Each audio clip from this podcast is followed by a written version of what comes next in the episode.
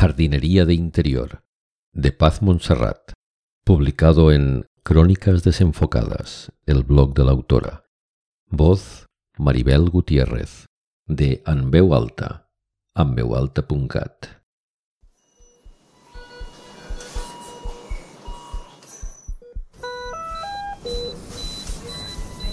Tengo un bonsai en el útero.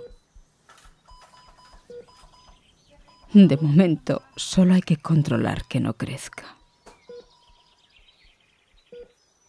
Cierro los ojos un instante, pero la boca queda abierta y debo de haber tragado abono. Al salir de la visita, unos frondosos manglares han echado raíces en las aguas estancadas de mi cabeza.